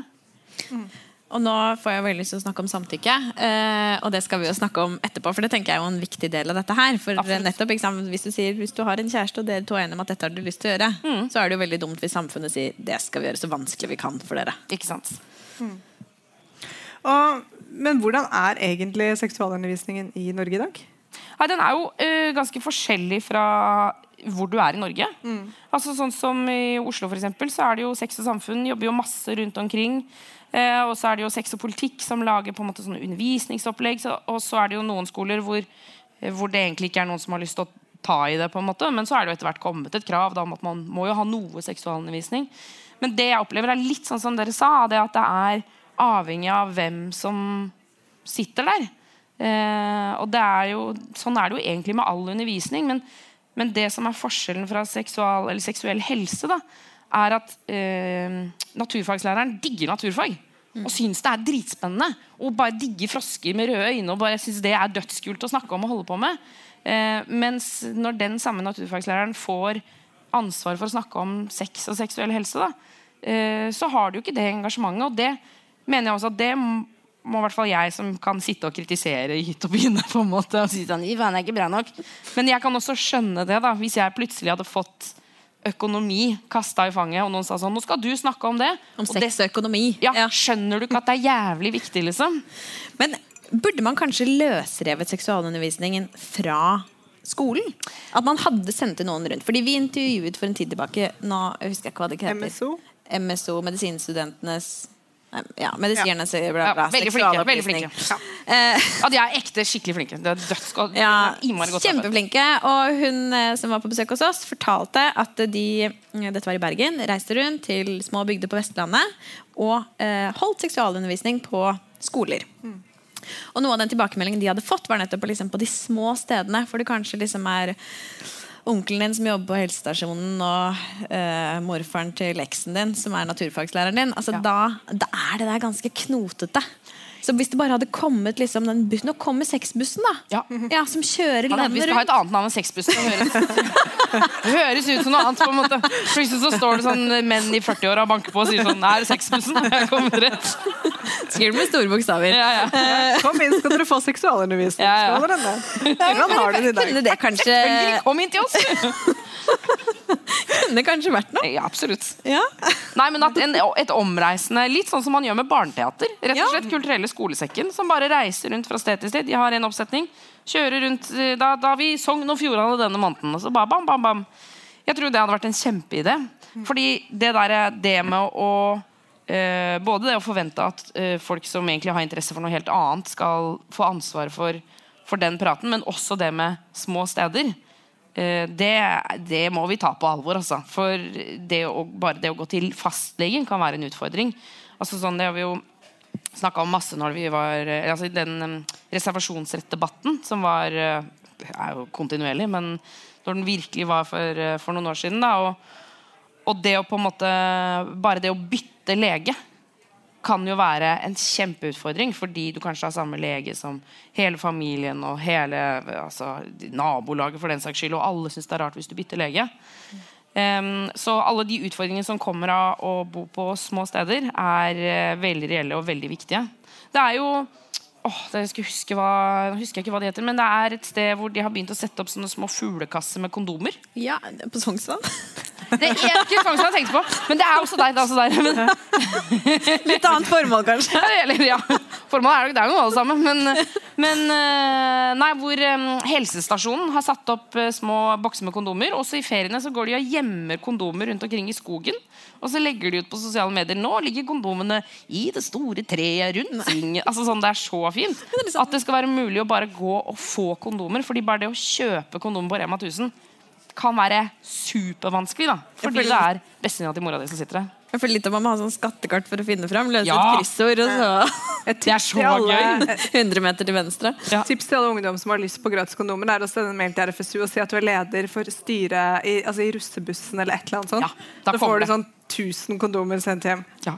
Jeg har faktisk holdt 5000 kondomer en gang. Det er overraskende lite. Jeg trodde jeg bestilte 5000 kondomer fra RFSU og tenkte sånn Nå kommer det liksom teiner, eller jeg bare Hvor er bussen? Og så kom det bare sånn litt Så kommer sexbussen. Ja, sexbussen! Åh, jeg lurer på hva slags eh, hva slags grafikk er det det skal være på sexbussen? Altså, jeg tenker ehm, Helene, du er jo frilanser nå. Ja. Så Ja. du reiser jo åpenbart rundt og holder dette her. Det er jo ikke noe bygge for deg Jeg kan kjøre i hvert fall. Du kjører, Ja. men Tuva, du lager det faglige opplegget. Jeg kan lage grafikk i det. Ikke sant? Ja. Jeg tror det blir kjempefint. jeg. er synes, sånn strekfigurer syns jeg er ålreit. Da blir det på en måte Da tåler de Da tåler alle. Ja, det er bra. Vi har jo også hørt for MSO fortalte oss, for vi spurte hva er, det, hva er liksom de vanligste spørsmålene dere får når dere reiser rundt og har uh, seksualundervisning. Og det var to uh, spørsmål som dukket opp hver gang idet læreren gikk ut av rommet. Så det bare var liksom de tilreisende. Og det var én hvordan få en jente til å komme. Det er jo hyggelig at de spør om. Det er veldig hyggelig. Ja. Det, Ja. det, er det applaus for. Det, det mener jeg på ekte. Og så to var da hvordan har man analsex. Ja. Så det går jo liksom Um, og det baserer seg jo så, uh, ifølge da MSO-eren at det handlet jo selvfølgelig om å sette mye på porno, hvor hun alltid kommer, og hvor analsex selvfølgelig skjer etter bare et par minutter. Ja. Sånn at eh, det å få snakke med noen om disse tingene, og at det da står noen der og snakker og forstår hvor også spørsmålet kommer fra, så man kan liksom, ja, nettopp penetrere det spørsmålet litt og på en måte lande litt i Valgte det ordet. hva er, ja, jeg valgte det. Og komme ned til hva er grunnen her, og hvorfor lurer du på det? Ja. Og uten at det skal være flaut. da. Ja. Ja. Og så er det på en måte ikke så Ja, og det å anerkjenne at det er ikke så rart at spørsmålet kommer. Eh, For det syns jeg er viktig når, eh, når spørsmål stilles. eh, og hvis, altså, den reaksjonen de første tre sekundene er ofte avgjørende for personen som stiller spørsmålet. Hvis jeg sier at jeg er egentlig veldig fysen på å putte en flaske i rumpa, eh, og hvis du da sier 'Å, fy fader', da er det eh, Mest sannsynlig så blir jeg helt ødelagt av det. ikke sant? Eh, Istedenfor at du kanskje skjønner at du ikke nødvendigvis er så interessert i å putte en flaske i rumpa, du, på en måte, men, men det å på en måte bare si sånn Ja, ikke sant? Så det Fortell mer om det. Eller hva tror du det kommer av? Eller ok, ikke sant? Sånn, sånn. Kanskje vi skal, må huske på å ta på en kondom, da. Eller helle ut brusen først. Eller sånn. Begynne å tenke gjennom hva som er lurt. Ja, Men den første reaksjonen den er viktig, og den kan jo f.eks. sånne fagfolk. da Ja, det er nettopp det. Mm, men hva, altså, okay, sånn, uh, har- du en oversikt om hva som ligger liksom, på den offentlige skolen? Hva ligger i timeplanen på seksualundervisning? Er det én time i året, eller er det ti timer? Eller er det Jeg tror, det har jeg ikke helt eh, Det vet jeg ikke helt. Men uh, jeg var på et uh, seminar forrige uke hvor det ble diskutert. Og da var det Atle Aurstad, som er sexolog og psykolog, som foreslo at det skulle være én fast time i uka. Alltid. Og det syns jeg var ganske god idé. Er litt sånn klassens time. Eh, man, eh, og da kan det jo være sexbussen som reiser rundt fra sted til sted. Eh, og, og kommer innom og, og på en måte har den timen. Jeg tror det hadde vært veldig veldig fint. da Hvor man da snakket om alt fra sex og mensen og kjønn og legning og Hele bøtteballetten. ja, for Hva tenker du at eh, liksom, okay, Skal vi snakke, kalle det for seksualundervisning eller seksuell undervisning? Seksuell helse, var det du sa i stad? Ja, Jeg liker jo seksuell helse godt. Og det er egentlig mest fordi at jeg syns det gir de gir meg en følelse av dybde og tyngde, hvis du skjønner. Eh, fordi man snakker om psykisk helse, fysisk helse og seksuell helse. Sant? Det stiller like viktig, da. Eh, men seksualundervisning, eller altså sånn Det er ikke feil å si det. Ikke som jeg vet, i hvert fall. Nei, bra. Det er ikke så lett å vite. Jeg er dårlig på sånn det. Men Men i hvert fall, hva tenker du at det burde romme? Fordi jeg tenker jo fort at mange lærere kanskje leser det som liksom, ok, hvordan fungerer det i praksis. Ja, hvordan kan du unngå å bli gravid? på en Hvordan kan du unngå å bli Ja. gravid? Ja. Først og fremst. Så hva, hva burde liksom optimalt sett seksualundervisningen på norske skoler romme, syns du? Det er jo teit å, Eller det er ikke teit å si, men jeg mener jo egentlig alt, da. Men eh, det å på en måte ta det steg for steg eh, og begynne med de tingene som, eh, all, som vi vet alle kommer til å oppleve. Vi vet at de aller fleste eh, kvinner skal ha mensen, f.eks. Da tenker jeg det må vi ha med. Eh, og så eh, alle menn kommer mest sannsynlig til å runke. Det må vi snakke om. Altså sånn, man tar de store, viktige tingene må være med. Men også huske på at det også er flere ting eh, som ikke nødvendigvis kommer til å gjelde så veldig mange av oss. Men fordi det nettopp gjelder så få, så er det viktig å snakke mye om det. da. Og da tenker jeg på eh, seksuell orientering, eller på kjønn, eller på eh, altså, seksuelle tenningsmønstre. Altså alle de tingene som, som ikke virker som mainstream, da, hvis jeg kan bruke det ordet. Det er også viktig å få inn. Ja, for jeg tenker jo De store spørsmålene som liksom, hvem er jeg? Håper jo jeg at det er noe som blir snakket mer om i klasserommet enn da jeg gikk på skolen. i hvert fall. Og nå har jo ikke jeg hatt det nye faget som heter livsmestring. Det er kanskje er det noen lærere i salen som liksom vet om dette er noe som snakkes om. Men um, send oss gjerne en melding senere. Kan vi. Er det da? ja. Men uh, jeg håper jo at det er noe som liksom snakkes om i litt større forstand. da. Ja. Det er i hvert fall jeg husker at uh, det ble gjort. Ja, og, og, og det å på en måte prøve å, å skjønne hvem man er. Men også synes jeg også at det er viktig at vi på en måte tar oss roa og tar oss tida til å finne ut av det. Fordi med eh, masse fokus så kommer det også et ønske om å sette folk i litt sånn bokser.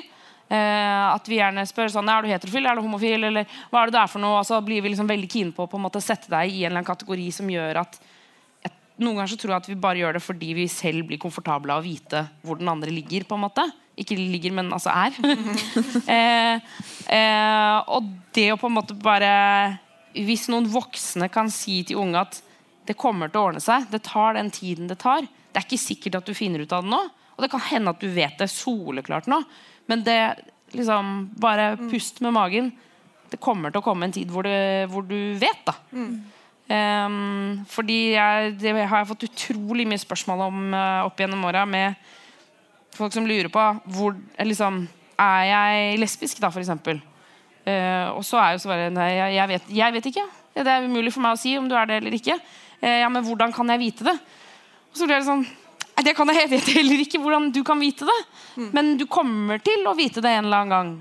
Og det, det, det er på en måte det er litt sånn, Nå har jo jeg et lite barn selv, men noen ganger når vi snakker om liksom, hva ungene våre kan, og så er det sånn 'Ungen min har begynt å gå.' Og så blir alle sånn 'Ungen min har ikke begynt å gå.' Og så blir jeg sånn Kommer til å gå. Kommer til å skje, liksom. Det bare tar litt lengre tid, akkurat med din unge, eller min unge. da Um, Så bare ja, ha litt sånn is i magen. Det skulle jeg ønske at de sa tydelig. Ja. Og svaret ligger i deg, egentlig. Hva sa du? Ja, at svaret ligger inni deg. Ja, ja, ja. Og så blir jeg jo dritsur selv da hvis jeg stiller noen spør sånn, et ordentlig spørsmål og så sier de sånn Det må du finne ut av sjøl. Så blir jeg sånn Ja, det hjalp meg ingenting. Det var derfor jeg spurte. Ja. Hadde jeg visst det, så hadde jeg ikke spurt. Men, eh, men det er jo det som er svaret, på en måte. Ja. Så fint. Ja, det er jo den eh, drømmescenarioet, i hvert fall sånn fra et femihelseperspektiv, at alle skal eh, vite basicen nettopp om dette rundt menstruasjon og egen kropp og reproduktiv helse. Valg rundt eh, prevensjonsmidler, konsekvenser av å gå på prevensjonsmidler, konsekvenser av å ikke gå på prevensjonsmidler. Um, som hadde vært så innmari fint at var en del av skolen. Nå skal man jo begynne å tilby gratis prevensjonsmidler ned til 16 år på skolene, er, er det snakk om. Og det er jo supert, men da tenker vi også at det er superviktig at man får vite eh, hva som skjer med kroppen og, og eh, Hodet. hodet, ikke minst. Men også hva som skjer hvis du ikke gjør det. Og bare, Det er så mange ting, men eh, det kan ha så lange konsekvenser. Da. Så det igjen tilbake til dette med liksom, den barselomsorgdebatten også, hvor man tenker liksom her og nå veldig effektivt. Så er det noe med å legge til rette for at eh, ja, det En kan god start på sexlivet. Ja. Ja, for jeg tror liksom ikke effektivitet det på alle planene til regjeringen og i det store stolesystemet og sånn, det bør ikke stå. Nei. Det ordet bør ikke være der, liksom. Fordi det, er, det skal ikke være effektivt. Det skal ta tid, da. Og det skal ta mange runder. Og det er det jeg mener med den derre Mitt drømmescenario er at det er fra første klasse ut videregående så er det én time seksuell helse for eksempel, i uka. Alltid. Eh, og Noen ganger så er det f.eks. Sex og Samfunn som er inne og snakker. Men andre ganger så er det en person på skolen eller i kommunen som brenner for det. liksom Og som er der og syns at det er spennende å snakke om. For det er jo supervanskelig å snakke om sex eh, hvis du ikke syns det er noe gøy å snakke om. på en måte Det er jo kjempeslitsomt. Ja, selvfølgelig. Nei. Sexbussen. Vi skal jo ha en demonstrasjon i april. Kanskje vi må ha to? ja, to. Kan, eller, eller så kan sexbussen på en måte kjøre foran i demonstrasjonen. Ja! Ja, som, som en russebuss, på en måte. Tenk så fett, da! Ja. Altså Ryktet den sexbussen hadde hatt, hvis det hadde bare vært sånn Ja, ja. Tix sto der inne. Han Ja, ja. fulltidsansatt på sexbussen. Ja, ja, ja. Ok, her har vi noe.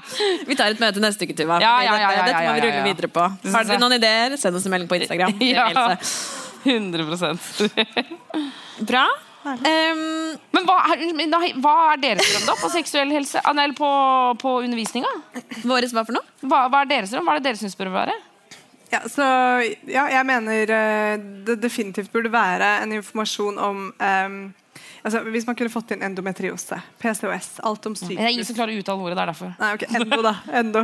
Nei, men jeg, jeg mener jeg sånn Mensproblemer, da. Ja, men jeg mener sånn Vi må også gjøre informasjonen tilgjengelig. Nå Ja. sa jeg det på tull. Ja, jeg skjønner. Men, eh, men så sjukt mange jeg har snakka med, som begynner sånn endomet Mm. og det er, Men det er jo som menstruasjon. Vulvodyni. Ja. Altså, Bare vagina og vulva. Få på noen Ja. vanlige Ja. ord, liksom. Alt er jo vagina! Ja. Hva er det vi Men hva, hva er hvilke andre, altså sånne andre diagnoser som, som vi ikke bruker sånn latinordet på? Omgangssjuke, for eksempel. Ja. Det heter jo sikkert et eller annet flott på latin. Men vi sier sier omgangsuke. Blødehelvete. er det vi kaller Blødehelvete? det? Ja. Syndefloden. Ja. Det er jeg, altså, navnekonkurranse på alt dette her, absolutt. Ja. Men det hadde i hvert fall Min drøm er også at når du eh, får eh, tilbud om prevensjonsmiddel, at du også får beskjed om at eh, sant, eh, før dagbok, så du ser om du endrer deg. Eh, følg med på deg selv, og kanskje du skal slutte etter en stund for å sjekke om det, var en, eh, om det funka for deg eller ikke. Ja. Um, bare snakke høyt om dette, at ikke det blir sånn under bordet dealing av p-piller. Ja. Um, og I en ideell verden så skulle jeg også ønske at uh, når unge jenter ble satt på p-piller, at også fastlegen ble informert. Og at fastlegen var en som kunne være med å følge opp og passe på at ok, du sier at du er deprimert, men du begynte jo på Jasmin for tre måneder siden. Kan det være noe her, eller ikke? Ja. Um, så det er mange ting Men altså, i en ideell verden så skulle ikke prevensjonsbyrden ligget på kvinner bare heller. Men det er en annen historie, en annen podkast. Um, men jeg tror også det der med selvtillit på det seksuelle og eh, mye mer om eh, masturbering, onanering for kvinner, er kjempeviktig. Sånn, mange jeg kjenner, og meg selv inkludert, fikk liksom ikke dreisen på det før jeg var altså, 20. Gått opp i, liksom, da var det bare sånn Å ja, det er sånn jeg skal gjøre det. Um, altså, jeg tror det ligger veldig mye med der også at gutter runker, men hva gjør jenter? Er det greit? ikke sant? Å fjerne skam. da. Hvis en seksualundervisning hadde vært med på å fjerne skam, og bare normalisere og selvfølgelig også grensesetting, som er eh, snart vårt neste tema. Da. Ja. Positiv samtale rundt sex. Ja. tenker jeg har lyst til å Litt sånn gøy, litt Kos deg med sex, ha det gøy med sex. Ja. Så lenge alle er enige om at det er gøy og man er eh, Ja, ikke sant? Også, men også, og når vi snakker om eh, mensen Jeg husker i hvert fall da jeg fikk mensen. Jeg syntes det var veldig stas å få mensen. Jugde det på meg sånn. Jeg sa til alle vennene mine at jeg hadde fått det. Jeg hadde ikke fått det. Men jeg synes det var liksom, det var virka så kult av det. Men, eh, og jeg tror noen ganger det handler eh, mye om at moren min var også veldig sånn Mensen er noe fint, da. Det er noe bra. Men jeg har hørt mange som kommer hjem til foreldrene sine og sier de jeg har fått mensen. Åh, stakkars deg. Ja. Nei, har du vondt? Nei, stakk Nei, å faen meg. Nei, nå har det begynt. Og så blir jeg sånn Menssmerter, absolutt ekte, altså grusomt for mange. Men vi kan ikke begynne med at mensen er det jævligste på jord. på en måte, For det er jo også en staselig ting. Ja. Du har kommet til en ny fase i livet. Det er det der konseptet med sånn voksen og bare Nå kan du gjøre hva du vil-aktig. Altså sånn Så går det bra for de aller fleste. det gjør jo det, ikke sant? Istedenfor å bare møtes med en bare sånn utrolig sånn Å, nå har du det fælt nå. Og da blir i hvert fall jeg blir sånn Ja, jeg har det faktisk ganske fælt. Det er vondt, altså. Eller ja, altså jeg skal ikke tulle, for det er jo virkelig mange som har ordentlig, ordentlig, ordentlig menssmerter, og det er jo ikke så mye å tulle med, men Nei. Nei, Vi har etablert i dag at mensen ikke bare er lett. Nei. Ja, eh, men helt klart Men det, har jo mange, altså, det hadde jo noen er fordeler også på videregående. Eh, min eh, klassekamerat Ida og jeg slapp jo for eksempel å løpe Cooper-testen fordi vi hadde så hovne bryster. sa vi. På grunn av menstruasjon. Noe som vi Men skjønte. kan jeg bare si Det er også pga. ordbruken hans. Hovne bryster. Alle bare OK, nei, bare Jeg, jeg skal ikke si noen ting om verken deg eller de hovne brystene dine. vi hadde jo ikke det. Vi, var, vi hadde jo ikke mensen engang, sikkert, men det var, vi visste at dette er vårt sikreste kort ut av denne Ja, ja, løpetesten. ja, her. ja. Men, det- men det bare Det høres så på en måte Det er ingen gymlærer som tør å si sånn. Nei, Er du helt sikker på det? Ja. okay, så da, da Har du melding? Ja. Okay. Nei, vi må gå videre, Tuva, Ja. dessverre. Ja. Eh, tusen takk for deg. Takk for at du var med oss her på scenen. Takk for meg. takk for meg Tusen, tusen takk.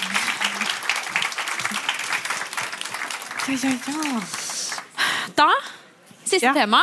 Siste tema. Ja, så Vi smugbegynte litt på her da, men det er fordi at det henger så tett sammen. Eh, for nå skal vi jo snakke om samtykke.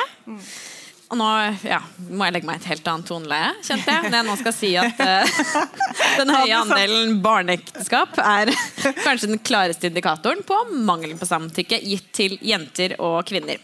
Eh, og barneekteskap det kan jo faktisk betraktes som en formalisert og institusjonalisert form for seksuelle overgrep.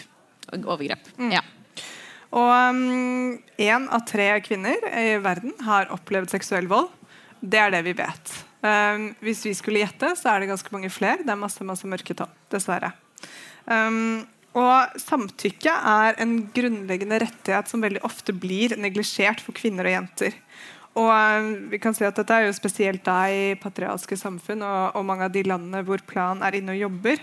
uh, hvor det å ha rett på sex eh, og dekke, få dekket sine behov, gjerne i ekteskap, er noe man kan kreve som mann. Mm. Og omfattende seksualundervisning som vi har snakket om nå, er jo nøkkelen til å rulle ut forståelsen av nettopp samtykke og kroppslig, altså hvordan kroppen fungerer eh, til barn, både gutter og jenter, fra ung alder. Og dette er jo en av grunnene til at Plan jobber veldig hardt for å endre på disse skadelige sosiale normene. Det tar tid. Men eh, det er noe som eh, jobbes med, og da er det jo retten til å si nei og behovet for at samtykke blir realisert. Det er en lang vei, men vi må gå den. Ja. Og mm, derfor så er vi så heldige at vi har fått med oss eh, selveste Kristina Fras, som skal komme og snakke med oss i dag. Velkommen opp på scenen. Yes. Så hyggelig å ha deg her, Kristina. Så hyggelig å være her. Jeg kjente at jeg fikk veldig lyst til å være med på den sexbussen. Velkommen! Hvem er du, Kristina? Oi, ja. eh, jeg heter Kristina Fraas. Eh, eh, ja, man sier det med å. Ja. Ikke, for å være vanskelig. Nei, Kjenner ikke dere vanskelig. hverandre litt fra før? Jo, vi gjør, vi Vi gjør faktisk det. Vi gjør det, men jeg sto, det som skjedde var at jeg sto og tenkte sånn, jeg har så lyst til å si sånn Å, så kjent som Kirsebærhagen. Og da bare stoppet alt opp på hva jeg, Jeg skjønner det. Si. nettopp bytta navn på Instagram. Det er Ja, ja. derfor, så det er min skyld. Ja, er- Eh, Jeg Jeg jobber som influenser, og så er jeg veldig engasjert i mange av disse temaene vi snakker om i dag. Eh, Så jeg har vel også litt tittelen samfunnsdebattant. Um, og ja, jobber med en del sånn hjerteprosjekter, bl.a. rundt eh, ja, samtykke og vold og overgrep. og, ja. Og så hadde du dette ikoniske abortbildet eh, Ja. også for noen år siden. Jo, men det er jo, jeg føler det har blitt eh, virkelig et ikonisk bilde. Så du eh, ja, absolutt en samfunnsdebattant. Eh, Kristina, hva betyr egentlig samtykke? Samtykke det betyr jo egentlig å be om å få tillatelse. Eh, Be om lov, og få lov til å, å, å gjennomføre et eller annet. Men i sånn seksuell sammenheng så snakker vi jo gjerne om et, et aktivt samtykke. Sant? Gjerne muntlig. Um, for når man er i en seksuell situasjon og kanskje blir utsatt for et eller annet som man ikke har lyst til å være med på, så er det veldig enkelt at kroppen f.eks. fryser til is. Man har ikke mulighet til å gjøre motstand eller si nei. Det er nettopp derfor det er viktig å be om det på andre måter da, enn via kroppsspråk. Um, og kroppen, man vet jo det, den kan reagere på måter som på en måte kan tilsi et, et ja. Man kan bli våt og man kan bli hard, selv om man blir utsatt for noe man ikke har lyst til. Så kroppsspråk er, eh, det er jo ikke nok. Um, det er mange som blir utsatt for et overgrep eller, blir, um, eller utsetter noen for et overgrep, som kanskje ikke egentlig vet helt at det er det som skjer. Så når vi snakker om um, samtykke i en sånn eh, ja, seksuell eh, situasjon, da, så er det gjerne det muntlige eller kanskje skriftlige, eller i hvert fall det aktive samtykket som er viktig å snakke om. da. Og det synes jeg en, ehm, hadde en sånn liten oppvekker eh, på samtykke hvor jeg satt med kjæresten min, og vi eh, satt i Torgata, og så sitter det et bord ved siden av, eh, hvor de var kanskje i begynnelsen av 20-årene, så mye mer sånn woke enn jeg følte. Og så satt jeg nesten sånn og smuglyttet litt på det de sa, for de begynte å snakke om da samtykke. Og så snakket de nettopp om det med um, altså, ufrivillig arousal. Som, som var noe som de hadde helt sånn innforstått med at ja, men du kan jo selvfølgelig bli våt selv om du ikke har lyst. Eller du kan bli hard selv om du egentlig ikke har lyst.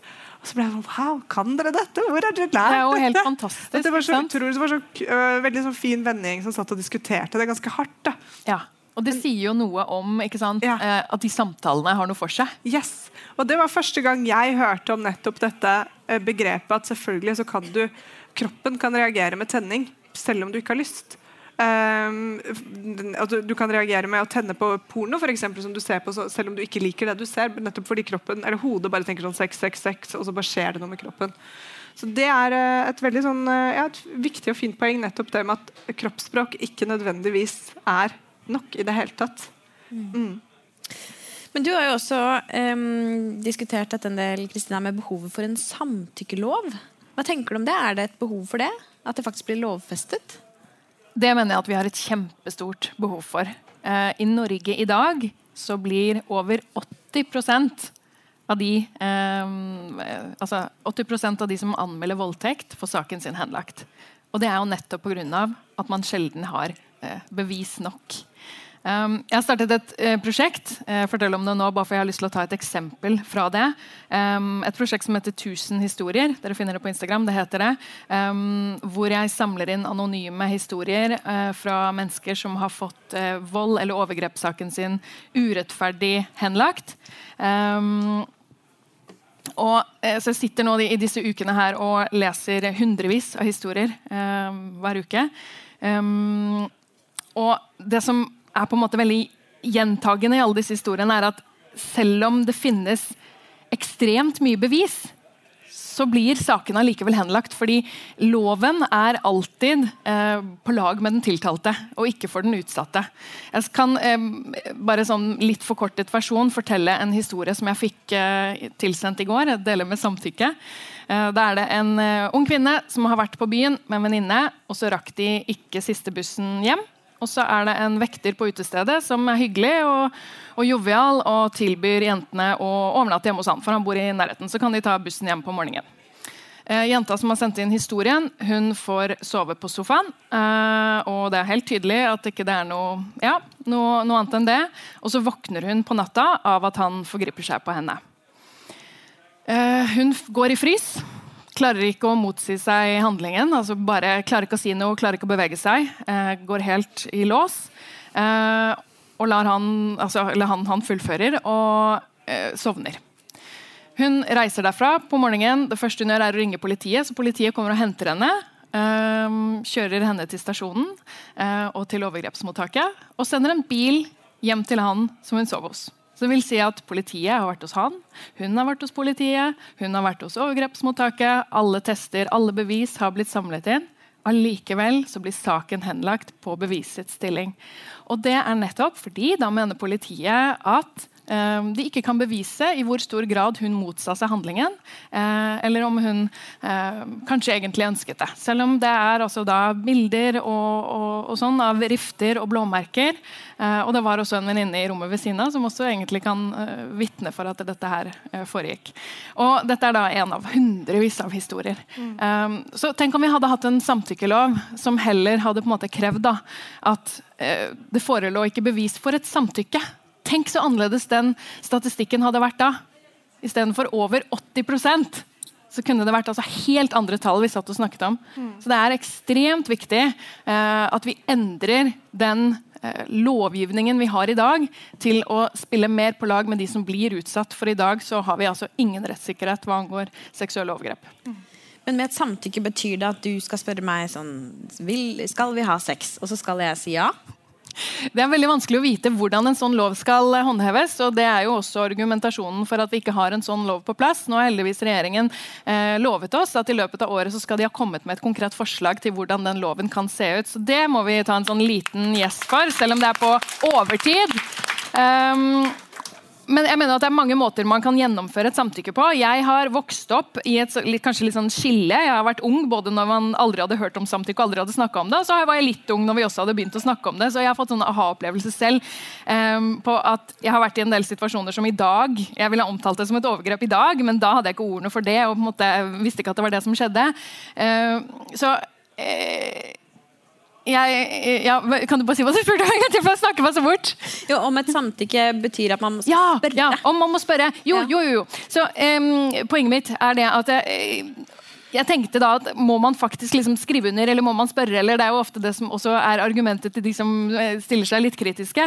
Eh, og jeg har funnet ut at Det er jo helt rått å vise, vise, eh, omsorg for den man har lyst til å ligge med. eller ligge med, med å spørre er det greit at jeg tar av deg genseren, eller syns du det her er digg. Har du fortsatt lyst? Er du keen? Jeg har lyst på deg. Har du lyst på meg? Mm. Så Det å faktisk være litt mer verbal, altså, det, er så, det er ikke så farlig som det kanskje høres ut som. Nei, Og det trenger ikke å være usexy heller. Absolutt ikke. Heller den rake motsetningen. Mm. Det jeg sitter og tenker på er at Alle disse overgrepene og voldtektene som blir anmeldt, og hvor 80% øh, blir henlagt pga. bevisets stilling, er det da sånn at man sitter og tenker at disse 80% er anmeldt for gøy? Eller som hevn, eller som fordi man har bare lyst til å komme seg en tur innom overgrepsmottaket for å så sitte hos politiet i avhør, for å så anmelde, for å så havne i en rettssak. Mm. Og for å så liksom sitte og utlevere seg.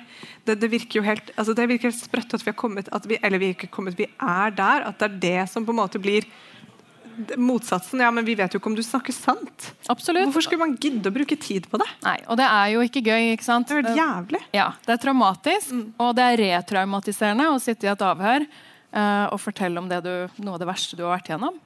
Og så deretter føle at man ikke blir trodd eller ikke blir tatt på alvor. Og Det er jo også en ting som også er hårreisende i Norge, og som jeg tror at mange av dere ikke vet. Det er at politiet har lite ressurser, det vet vi, eh, hva angår vold og overgrep mot kvinner. Eh, Men de har lov til å henlegge på det de kaller bevisets stilling, også fordi de ikke har tid. Altså det, det er mange situasjoner hvor det finnes en rekke bevis, f.eks. vitner, som aldri blir ringt. Det finnes mapper fra overgrepsmottaket som ikke blir hentet ut. De bare henlegger det på bevisutstilling uten å sjekke bevis, og det har de retten på sin side til å gjøre. Så jeg tenker at En samtykkelov det er i hvert fall et steg på vei i riktig retning til at kvinner får en viss rettssikkerhet. da. Absolutt, og at mange kanskje også bare blir litt mer bevisste tenker jeg, på nettopp dette at det er greit å si ifra hvis man ikke har lyst. eh, og at det er et felles ansvar å finne ut av det. At det ikke er eh, ja, at det kanskje ikke må komme så langt da, som nettopp til en rettssak før man sier at dette ikke var greit. Nei, ikke sant? Altså, Vi må jo håpe at de aller færreste trenger å være gjennom noe sånt. Jeg tror at bare også den samtalen som vi sitter i nå, da, og de samtalene som de kidsa du hørte på bordet ved siden av hadde, det, det er kanskje det aller viktigste med å ha en eh, samtykkelov. tenker jeg. Altså, En ting er hvordan man håndhever den, men en annen ting er at det faktisk er et tema ute i samfunnet. Hvis du vet at ikke det er lov, da, da er du på en måte all, allerede bevisst. altså Du er inne i det mindsettet. Jeg, jeg har vokst opp på en tid hvor, hvor vi ikke visste om det ordet engang. Altså, grenser. Hvordan skal du eh, ta hensyn til andres grenser hvis ikke du har noe forhold til dine egne grenser? Så eh, den eh, signaleffekten da, det sender ut, er kanskje det aller viktigste. Og det er litt tilbake igjen til da, seksualundervisningen, hvis den var én gang i uken nærmest. ikke sant? Hvor man snakket om bare nettopp det om å snakke seg gjennom eh, fra du er på fest og er 14 år gammel sånn Før du stikker hånda ned i buksa hans, spør om han har lyst. Før du tar henne på puppene, spør om hun har lyst. Bare sånn derre Å ja, ok. og at det er også en selvtillit i å, å, å få den vet du, Jeg spør fordi jeg, det har jeg lyst til. Jeg har lyst til å spørre, jeg har lyst til å være selvfølgelig en grei person.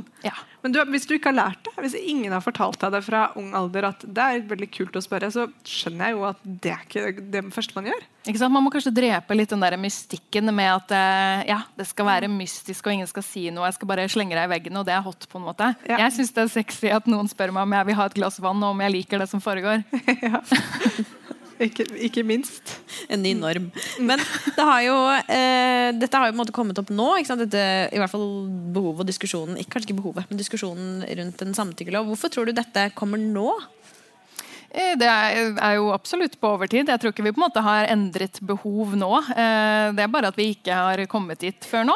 Eh, Det har alt, behovene har nok alltid vært der. Eh, Jeg tror alle som sitter Det er nesten bare jenter her i salen. Jeg tror at alle kjenner noen som har vært gjennom et eller annet eh, ja, seksuelt overgrep eller seksuell vold eller en situasjon som var eh, uønsket. Eh, sånn at behovet har nok alltid vært der. Vi har bare ikke kommet dit. Definitivt. Jeg tror de aller fleste kan kjenne seg igjen i at hvis man kunne reist tilbake i tid og visst at å ja, kunne, hvis den personen hadde spurt, så hadde jeg faktisk sagt nei. Var ikke så keen. Det tror jeg liksom den der, og Uten at det var et nødvendigvis et overgrep. Men at det Kunne kanskje var sånn, over den. Ja, kunne droppa den, liksom. Ja, ikke sant? Og så er det litt viktig å anerkjenne også at eh, mange antageligvis begår et seksuelt overgrep uten å kanskje vite det. Yes. Eh, jeg vokste opp med at det bare var overfallsvoldtekt som var voldtekt.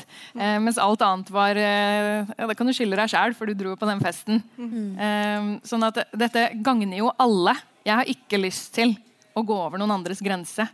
Som de Ja. eh, For Det er også et viktig poeng som har kommet opp i denne debatten. er jo nettopp det at ok, men liksom 16 år gamle gutter som da plutselig blir eh, voldtektsmenn ikke sant? fordi at de ikke spør om samtykke, og så kan det bli en backlash etterpå med fylleangst eller whatever. Men det er ikke det det handler om. Det handler nettopp om den bevisstgjøringen for alle parter å få eh, skal si, gjøre ting på en hyggelig måte. Og være klar over at det er altså nettopp det med å snakke sammen er kjempefint og varmt og viktig i en sånn intim situasjon. da. Og nettopp det som, som du sier, at det er ikke folk som ikke vet at man har utsatt noen for et overgrep, eller blitt utsatt selv for et overgrep. Mm. Det er jo også en ting, ikke sant? Man kan ha blitt utsatt for et overgrep, og så har man ikke eh, kunnskapen til å sette ord på at det var det det var. Eh, for det er ikke det man har blitt presentert som som et overgrep. Sånn at man kanskje sitter igjen bare som et stort spørsmålstegn, eller med skamfølelse, eller med skyldfølelse, og egentlig bare har mange spørsmål man ikke har fått svar på. Enig.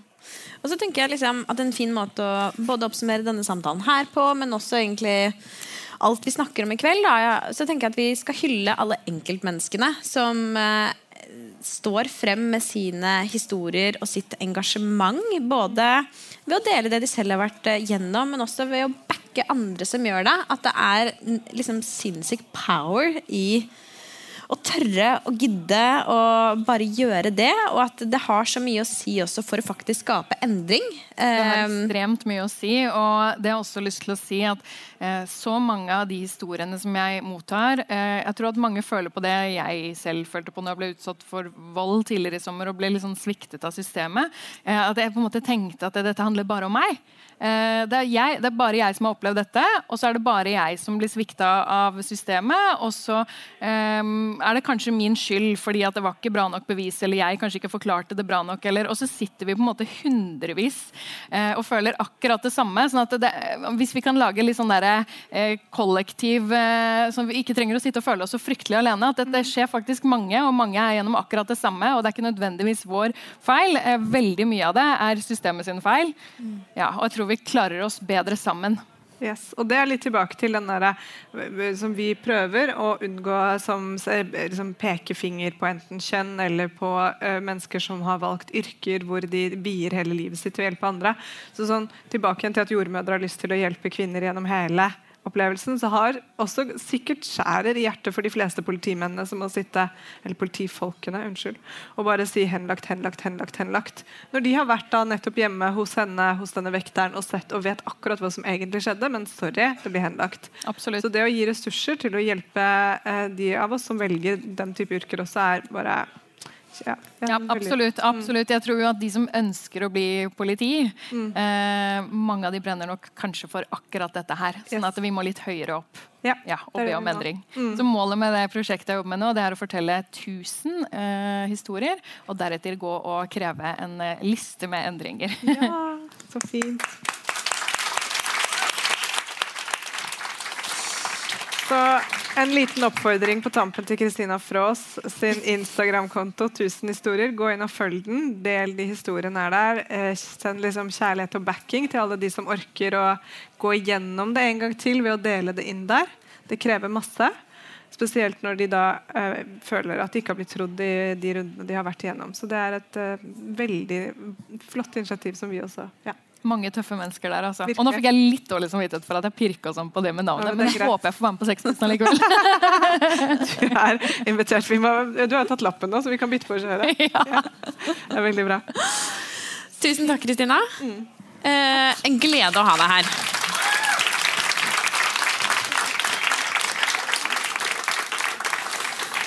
Ja, da er vi faktisk eh, til veis ende, og vi skal si tusen, tusen takk for altså, jeg bare synes Det er så gøy å være sammen med alle dere her for Kulturhuset i Oslo og drikke øl og snakke om viktige ting og morsomme Eller ingefærøl. Ja, eller brus. Ja. Ja. Drikke det man vil. Nei, eh, helt uh, utrolig hyggelig. Eh, og vi skal si tusen takk til Plan, som arrangerer dette sammen med oss. Um, Plan skal også få lov til å komme opp selv og si tusen takk for kvelden. Ja, okay, da. skal det. Ja.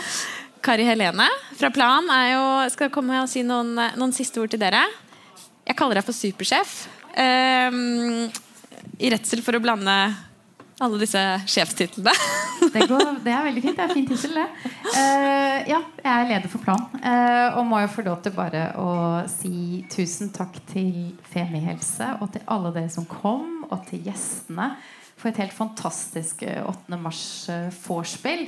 Og så har jeg lyst til å takke dere litt spesielt. Fordi at eh, dere gjør jo at vi blir både veldig opplyste og litt mer bekvemme, føler jeg, ved å snakke om, eh, om kvinnehelse.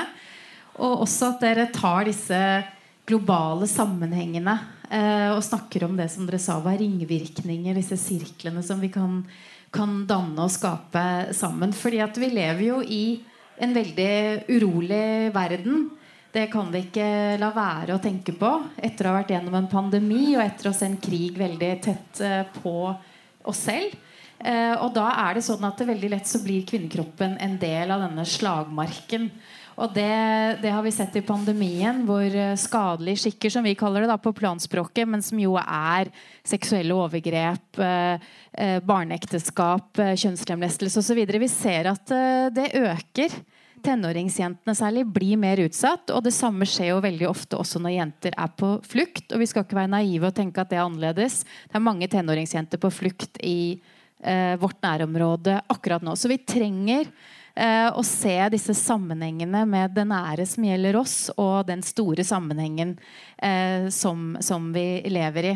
Så Derfor så tusen takk for at dere gjør dette så nært, bekvemt, kunnskapsrikt og viktig.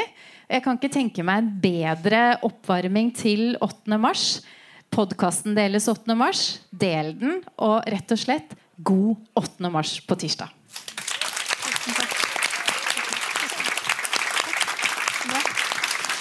Da sier vi takk for oss, og så ses vi eh, i tog 8. mars, 27. april og 17. mai.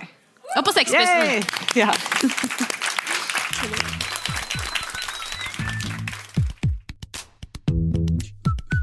Tusen takk for at du hørte på podkasten vår. Selv om det forhåpentligvis kommer tydelig frem, så vil vi understreke at vi ikke er helsepersonell. Ja, så Som vanlig, kontakt legen din om du har noen spørsmål, eller om du skal begynne på noen form for behandling. Og har du et tema som du har lyst til at vi skal snakke om, eller noe ris eller ros, så send oss gjerne en melding på Facebook eller på Instagram. Der finner du oss under Femihelse. Mm. Og du kan gjerne rate oss på iTunes, det er skikkelig hyggelig for oss. Ha en fin dag. Ha en kjempefin dag.